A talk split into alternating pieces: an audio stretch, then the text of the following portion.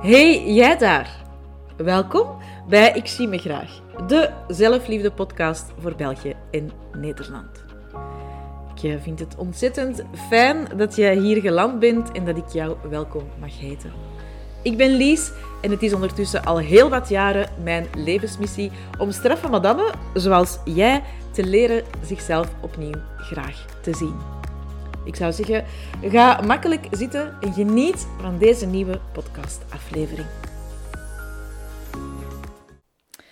In de podcastaflevering van vandaag wil ik jou heel graag meer vertellen over luisteren naar je lichaam. En misschien doe jij dat al, misschien is dat voor de eerste keer dat je daar iets over hoort. Ehm, ik uh, grijp altijd heel erg graag terug naar mijn eigen verhaal, want ik vind dat ook de fijnste manier om, uh, ja, om dingen te vertellen, om dingen over te brengen. En als ik dan teruggrijp naar... Ik, ik spreek over... Allee, ik spreek vaak over voor mijn burn-out en na mijn burn-out, omdat die burn-out voor mij in 2010 echt wel ja, heel veel geshift heeft en heel veel in beweging heeft gezet.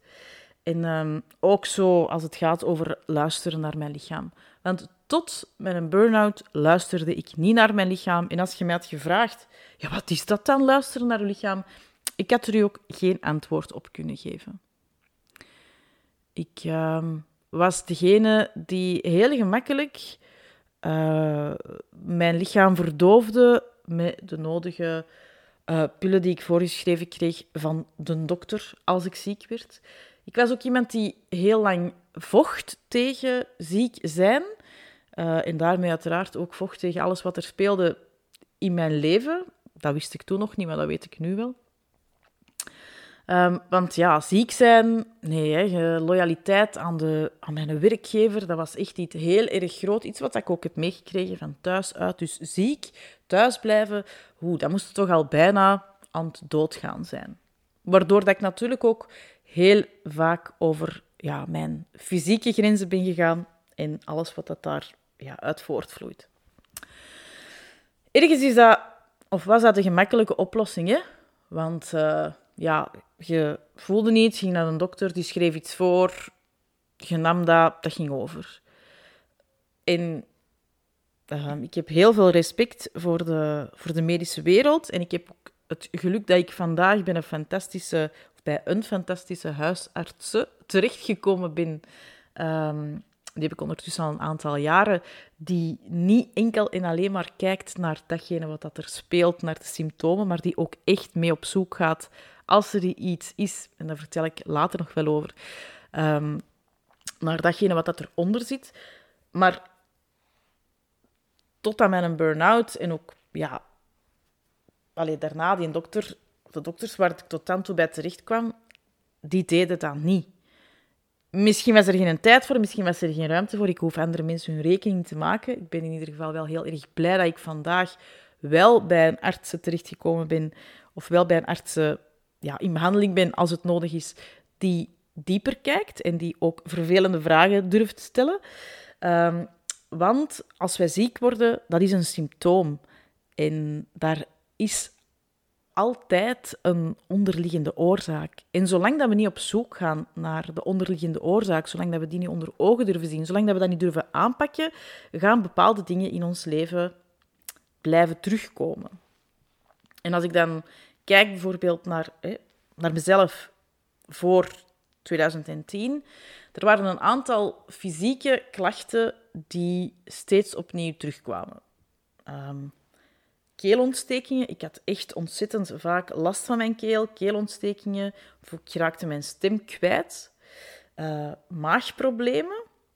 Uh, vaak zo, hè, maagontsteking, ontsteking van de slokdarm, uh, gastritis.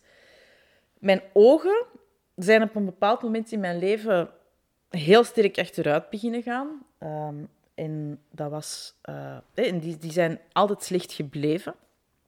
En met, op bepaalde momenten in mijn leven ja, gingen die ontsteken. En daardoor gingen dan mijn ogen nog verder achteruit. Dus dat is ook iets wat dat fysiek bij mij, uh, bij mij speelt. Dus dat waren zo'n aantal dingen ja, die echt heel regelmatig terugkwamen. Als ik op vakantie ging, eens dat ik in mijn werkleven was gestapt, als ik op vakantie ging, dan werd ik gegarandeerd ziek. Want dan was het zo precies van, ah, we moeten niet meer presteren. Uh, ik ben niet uh, disloyaal aan mijn werkgever. Dus nu mag ik ziek worden. Dus elke vakantie werd ik ziek. Dat was niet zo tof natuurlijk, hè? want tijdens je vakantie wilde ontspannen en wilde andere dingen doen en wilde vooral niet ziek in je bed liggen. Maar ja, dat gebeurde wel bij mij. En um, dat heeft echt heel erg lang geduurd, omdat ik er ook niet mee bezig was. En misschien ben je daar zelf ook niet mee bezig. En dat is ook, dat is ook helemaal oké, dat je daar nog niet mee bezig bent. Ik hoop dat ik daarin mag helpen om je daar wel bewuster in te maken en om je daarover te laten nadenken. Ehm, ik stond niet stil bij het feit dat dat altijd dezelfde dingen waren die terugkwamen. En in het begin was dat is af en toe hè, dat ik een keelontsteking had of mijn maag. Maar na verloop van tijd kwam dat altijd maar meer en vaker voor. En was de periode dat ik klachtenvrij was, ja, die werd altijd maar korter. En ik ben geen klager, ik ben altijd een optimist, dus ik heb daar ook nooit echt heel veel over verteld. Ik heb er ook nooit echt heel erg bij stilgestaan. Weet, op den duur had ik zo wel de medicatie in de kast staan en dan wist ik van, ah ja, ik heb daar last van, dus ik ga dan dat nemen. Maar dieper kijken deed ik niet. Dat ben ik echt pas gaan doen op het moment dat mijn lichaam ja, niet meer fluisterde en mij geen tikjes meer gaf, maar dat het echt ja, is beginnen roepen als in... Um, ik ben nu al kei veel maanden signalen aan het geven dat het niet meer oké is, dat je je grenzen aan het overschrijden bent op je werk, dat je over je heen laat lopen, dat je uh, je aanpast, terwijl dat je eigenlijk helemaal niet akkoord bent met alles wat dat er is. En um, ik geef je signalen zodat je daarbij stilstaat, dat je er bewust van wordt, maar jij luistert niet. Dus weet je wat, ik trek er gewoon uh, de stekker uit. Hè. Enter the burnout in januari 2010. En um, ons lichaam is heel lang lief voor ons en gaat heel lang zo stilletjes signalen geven. Is een keer hoofdpijn. En dat komt dan regelmatig terug. Of keelpijn, maagontstekingen, zoals ik zei, dat is iets wat terugkomt. Uh, zo heel verstrooid zijn en tegen alles aanlopen. Dat je eigenlijk zo onbewust volstaat met blauw plekken. Uh, als je merkt dat er bij u, als je heel eerlijk bent tegen jezelf, fysiek regelmatig dezelfde klachten terugkomen, laat dit dan een waarschuwingssignaal zijn om een keer dieper te gaan kijken, om een keer stil te staan bij, oeh, wat kan dat zijn? Wat zou daar kunnen onderzitten? Ja, als ik dan bijvoorbeeld naar mezelf kijk, die keelontstekingen. Hè, ik heb in de allereerste lange aflevering, waarin ik mijn verhaal vertel, gesproken over uh, het boek dat voor mij heel veel betekend heeft, heel veel in beweging heeft gezet. Je gaat er in 2022 nog heel veel over horen, over dat boek, want ik ga er ook terug cursussen rondgeven. Um, het is het boek van Louise Hay, Je kunt je leven helen. En achteraan in dat boek, daar staan verklaringen voor bepaalde symptomen die dat je hebt. Dat is uiteraard altijd hè, een richtingaangeving, dat is geen vervangende dokter. Hè. Dus uiteraard is het, als bepaalde dingen terugkomen, ook altijd fijn om de medische wereld mee in te schakelen. Maar het is belangrijk dat je uh, voor jezelf beseft dat het niet enkel en alleen maar een medisch gegeven is, maar dat er ook altijd nog iets onder zit. En als je dan bijvoorbeeld gaat kijken naar keel en uh, keelontstekingen, en ik heb hier mijn boek bij mij, ik dacht dat is misschien wel net zo handig als ik aan het opnemen ben. Dan staat er bijvoorbeeld, de keel is natuurlijk de manier waarop dat we ons uiten, dat is ons kanaal van creativiteit. En keelproblemen, dat betekent niet voor zichzelf kunnen opkomen. Ingeslikte boosheid, verstikte creativiteit, de weigering om te veranderen. Dat zijn mogelijke verklaringen van die keelproblemen. Um, keelpijn, boze woorden opkroppen, niet in staat zijn om onszelf te uiten. En als ik dan, toen ik dit boek in handen kreeg en ik ging terugkijken naar de symptomen waar dat ik vaak last van had, ja, dan kon ik niet anders dan eerlijk zeggen tegen mezelf van ja, dat is wel waar. Want al die jaren heb ik mij aangepast, heb ik mijn mening niet geuit, heb ik mij niet kunnen uitdrukken, Daar kwam frustratie en irritatie bij kijken. Dus dat was ingeslikte boosheid. Want ja, boosheid, dat paste niet. Ik wist toen nog niet hoe dat ik op een gezonde manier mijn boosheid kon uiten. Dus dat kropte zich allemaal op en dat stapelde zich allemaal op in mijn lichaam. Als je dan gaat kijken bijvoorbeeld naar die maagproblemen, die maagontstekingen, langdurige onzekerheid, een gevoel van naderend onheil.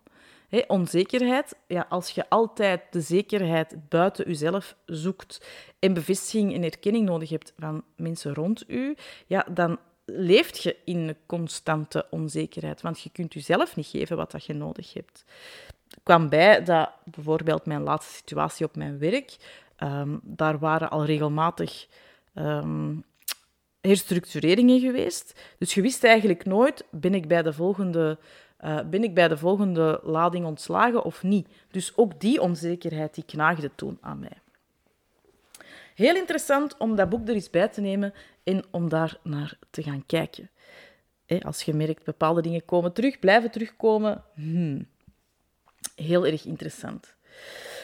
En het is ja, door mijn burn-out dat ik ook echt wel er veel bewuster ben bij gaan stilstaan. Ook bij wat heeft mijn lichaam nodig? Wat vertelt mijn lichaam mij? In het begin vond ik dat allemaal dikke zever. Hè? Als ik zo las van... Ah ja, misschien kun je eens een meditatie doen om te leren luisteren naar je lichaam. Of doe eens een, een bodyscan om te leren luisteren naar je lichaam. Heel eerlijk, ik vond het echt super onnozel. En ik dacht, ja, dat zal mij zeker helpen om die pijn in mijn lijf weg te krijgen. Maar gaandeweg ja, ging ik wel zien en vooral voelen ja, dat dat echt wel hielp. Hoe meer dat ik uh, ging luisteren naar mijn lichaam, hoe meer dat ik de taal van mijn lichaam ging spreken, hoe meer dat ik ging begrijpen wat dat mijn lichaam echt nodig had, ja, hoe gemakkelijker het ging. Ik ging mijn lichaam voeden en niet meer alleen vullen met uh, junkfood en alcohol en uh, in seks en over mijn grenzen gaan en slechte contacten hebben, uh, slechte uh, slaapgewoontes enzovoort. Want dat is ook allemaal manieren waarop dat je je lichaam voedt natuurlijk. Ik ging luisteren naar mijn lichaam. Ik stopte eigenlijk met mijn lichaam te sussen. Eh, ik deed niet meer alsof dat mijn lichaam een, zo een, een vervelende... ja, een, partner is die altijd over dezelfde dingen begint, of een vervelend kind dat blijft vragen en zagen voor snoep, hè, in plaats van dat te sussen en te geven wat dat ha, om er vanaf te zijn. Nee, ging ik echt luisteren en voelen en oké, wat heb ik dan echt nodig? Hè? Dus ga in contact of ga in gesprek met je lichaam. Uh, ik ga u er trouwens met de podcastaflevering van morgen, hè, met de volgende aflevering of in de volgende aflevering, ga ik u daar een tool voor geven, zodat je dat zelf ook echt wel in de praktijk kunt gaan brengen. Dat is nog even geduld. Tenzij dat je op een later moment aan het luisteren bent natuurlijk. En uh, alle afleveringen van mijn uitdaging 30 dagen een podcast posten al online staan. Dan kun je gewoon speed door naar de volgende aflevering. Maar die tool die komt, er dus, uh, komt er dus nog aan. want uw lichaam geeft u signalen. Uw lichaam spreekt met u. Um, en het kan heel goed zijn als je eigenlijk nog nooit echt geluisterd hebt naar je lichaam, of dat je je lichaam hè, al jaren aan het sussen bent, als een, een peuter of een kleuter die zaagt om snoep. Um, ja, dat het wel een tijd zal duren vooraleer dat je de taal van je lichaam opnieuw kunt spreken. Als je een vreemde taal aanleert, ja, dan gaat je ook eerst um, een paar woordjes leren en dan gaat je die aan inrijgen als, als een zin en dan gaat je uh, daarmee oefenen.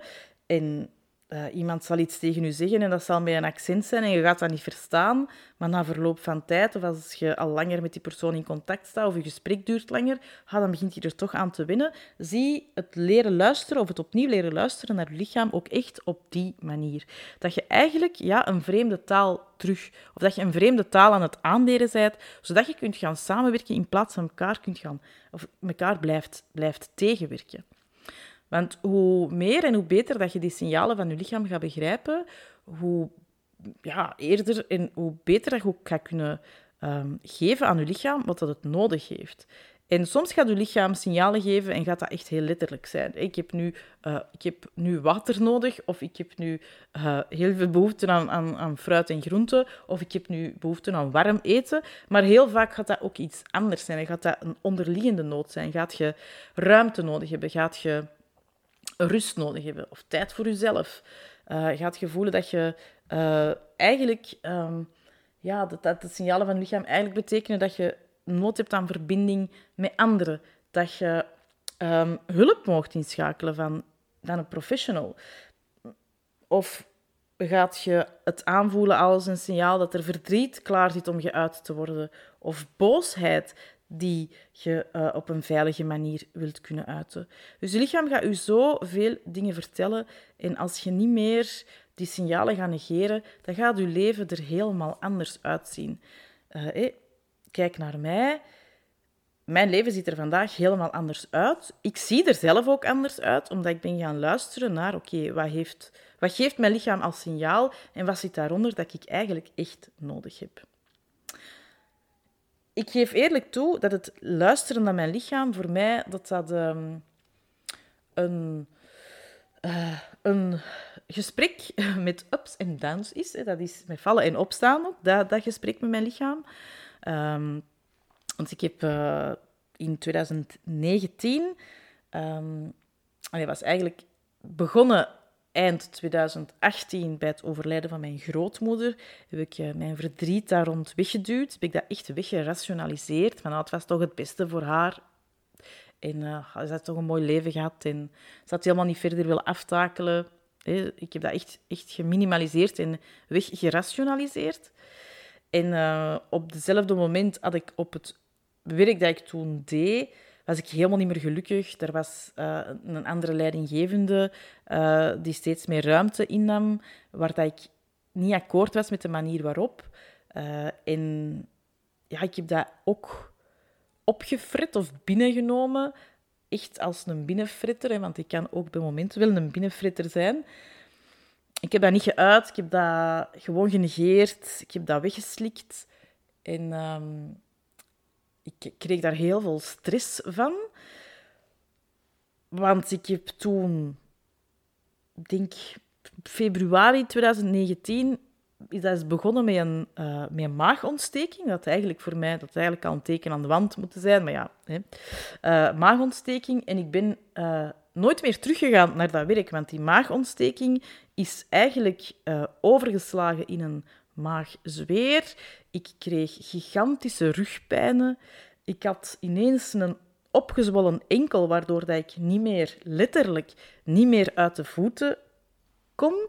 Mijn dokters, mijn de huisartsenpraktijk heeft mij heel goed begeleid, maar ja, die konden op een bepaald moment ook niks meer doen. Die wisten niet van welk hout pijlen maken, dus dat heeft gezorgd voor een, een ziekenhuisopname. Um, die dan, nadat ze mij daar echt gigantisch hebben daar Allee, ik denk, ik heb daar elke afdeling gezien. Ze hebben me daar gigantisch binnenste buiten gekeerd. Um, en dat heeft dan uiteindelijk geleid tot een, uh, een diagnose van uh, ja, een vorm van, van reuma. Een hele milde vorm, want ik heb sindsdien, sinds dat ik uh, afscheid heb genomen van die, van die job en ben gaan werken aan de, onder, aan de onderlagen, ook niet meer, um, geen opstoten meer gehad van die vorm van reuma. Dus even hout houden.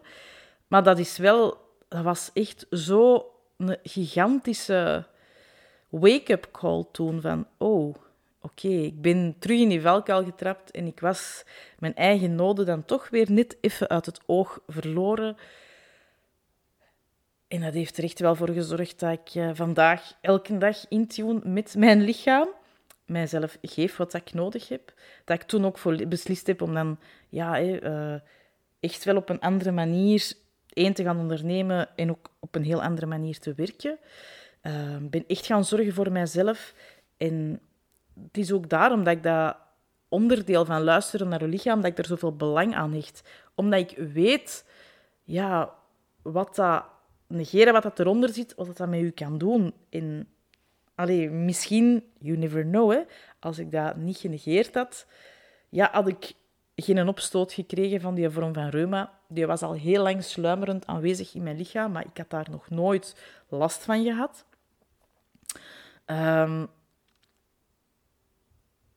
en misschien had ik er ook nooit last van gekregen als ik niet had gezorgd voor die chronische stress. Maar dat is als, als, als, dat weten niet. Ik weet nu dat er is. Ik weet wat dat de waarschuwingssignalen zijn.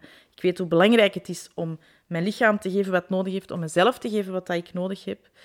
En zowel fysiek, maar ook mentaal, sociaal, emotioneel, spiritueel. Uh, ga zeker ook eens luisteren naar de aflevering die ik gemaakt heb over zelfzorg, want daar gaat je ook weer horen hoe belangrijk het is dat je niet enkel focust op één stukje, maar dat al die puzzelstukken belangrijk zijn. Wij zijn niet één aspect. We zijn niet alleen een lichaam. Nee, er komen, je hebt emoties, er zijn gedachten die door je hoofd gaan. Uh, dus dat mentale stuk is belangrijk. De verbindingen met jezelf, de verbindingen met anderen, uh, uw, uw spiritueel bewustzijn. Dat is allemaal belangrijk, want dat zijn allemaal stukken en onderdelen van u die ruimte mogen krijgen, die je ruimte mocht geven.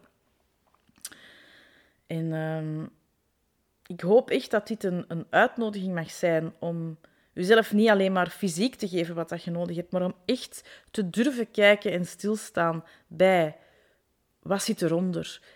En dat dat een uitnodiging mag zijn om grenzen te gaan stellen, om u steeds bewust te zijn van hoe is het met mijn energielevel gesteld, om andere keuzes te durven maken, die misschien niet de meest voor de hand liggende zijn, maar die wel ervoor zorgen dat, dat jij gelukkig bent en, en dat jij je goed in je vel voelt.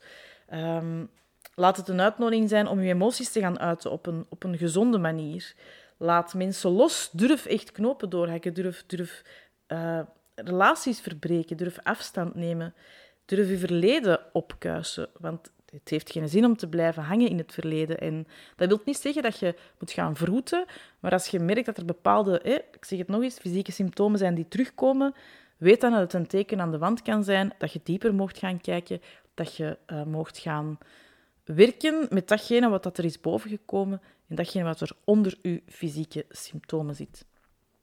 Ik hoop dat ik u met deze aflevering heb mogen inspireren om uh, op een andere manier te kijken naar symptomen die uw lichaam u geeft, naar signalen die dat uw lichaam u geeft. Zoals beloofd komt er uh, morgen de derde aflevering van 30 uh, eh, online en dan ga ik met jou een, of dan ga ik jou een bodyscan geven uh, ik ga die inspreken en jij mag die aan jezelf cadeau doen. Dus uh, ik uh, hoop dat je daar naar uitkijkt, want het is zo ontzettend mooi om die verschillende tools ook op deze manier aan jou te mogen en kunnen aanreiken. Deze podcastaflevering werd mogelijk gemaakt door mijn Flamingo-programma. Een programma, een levenslang programma, waarvan momenteel de deuren open zijn tot en met 15 februari. We werken binnen dit levenslange programma rond een heel aantal thema's en jij en je lichaam is er daar eentje van. Surf voor alle informatie over het programma naar www.licht-coaching.be en wie weet mag ik jou dit jaar wel verwelkomen in mijn Flamingo-nest. Weet dat je ontzettend welgekomen bent.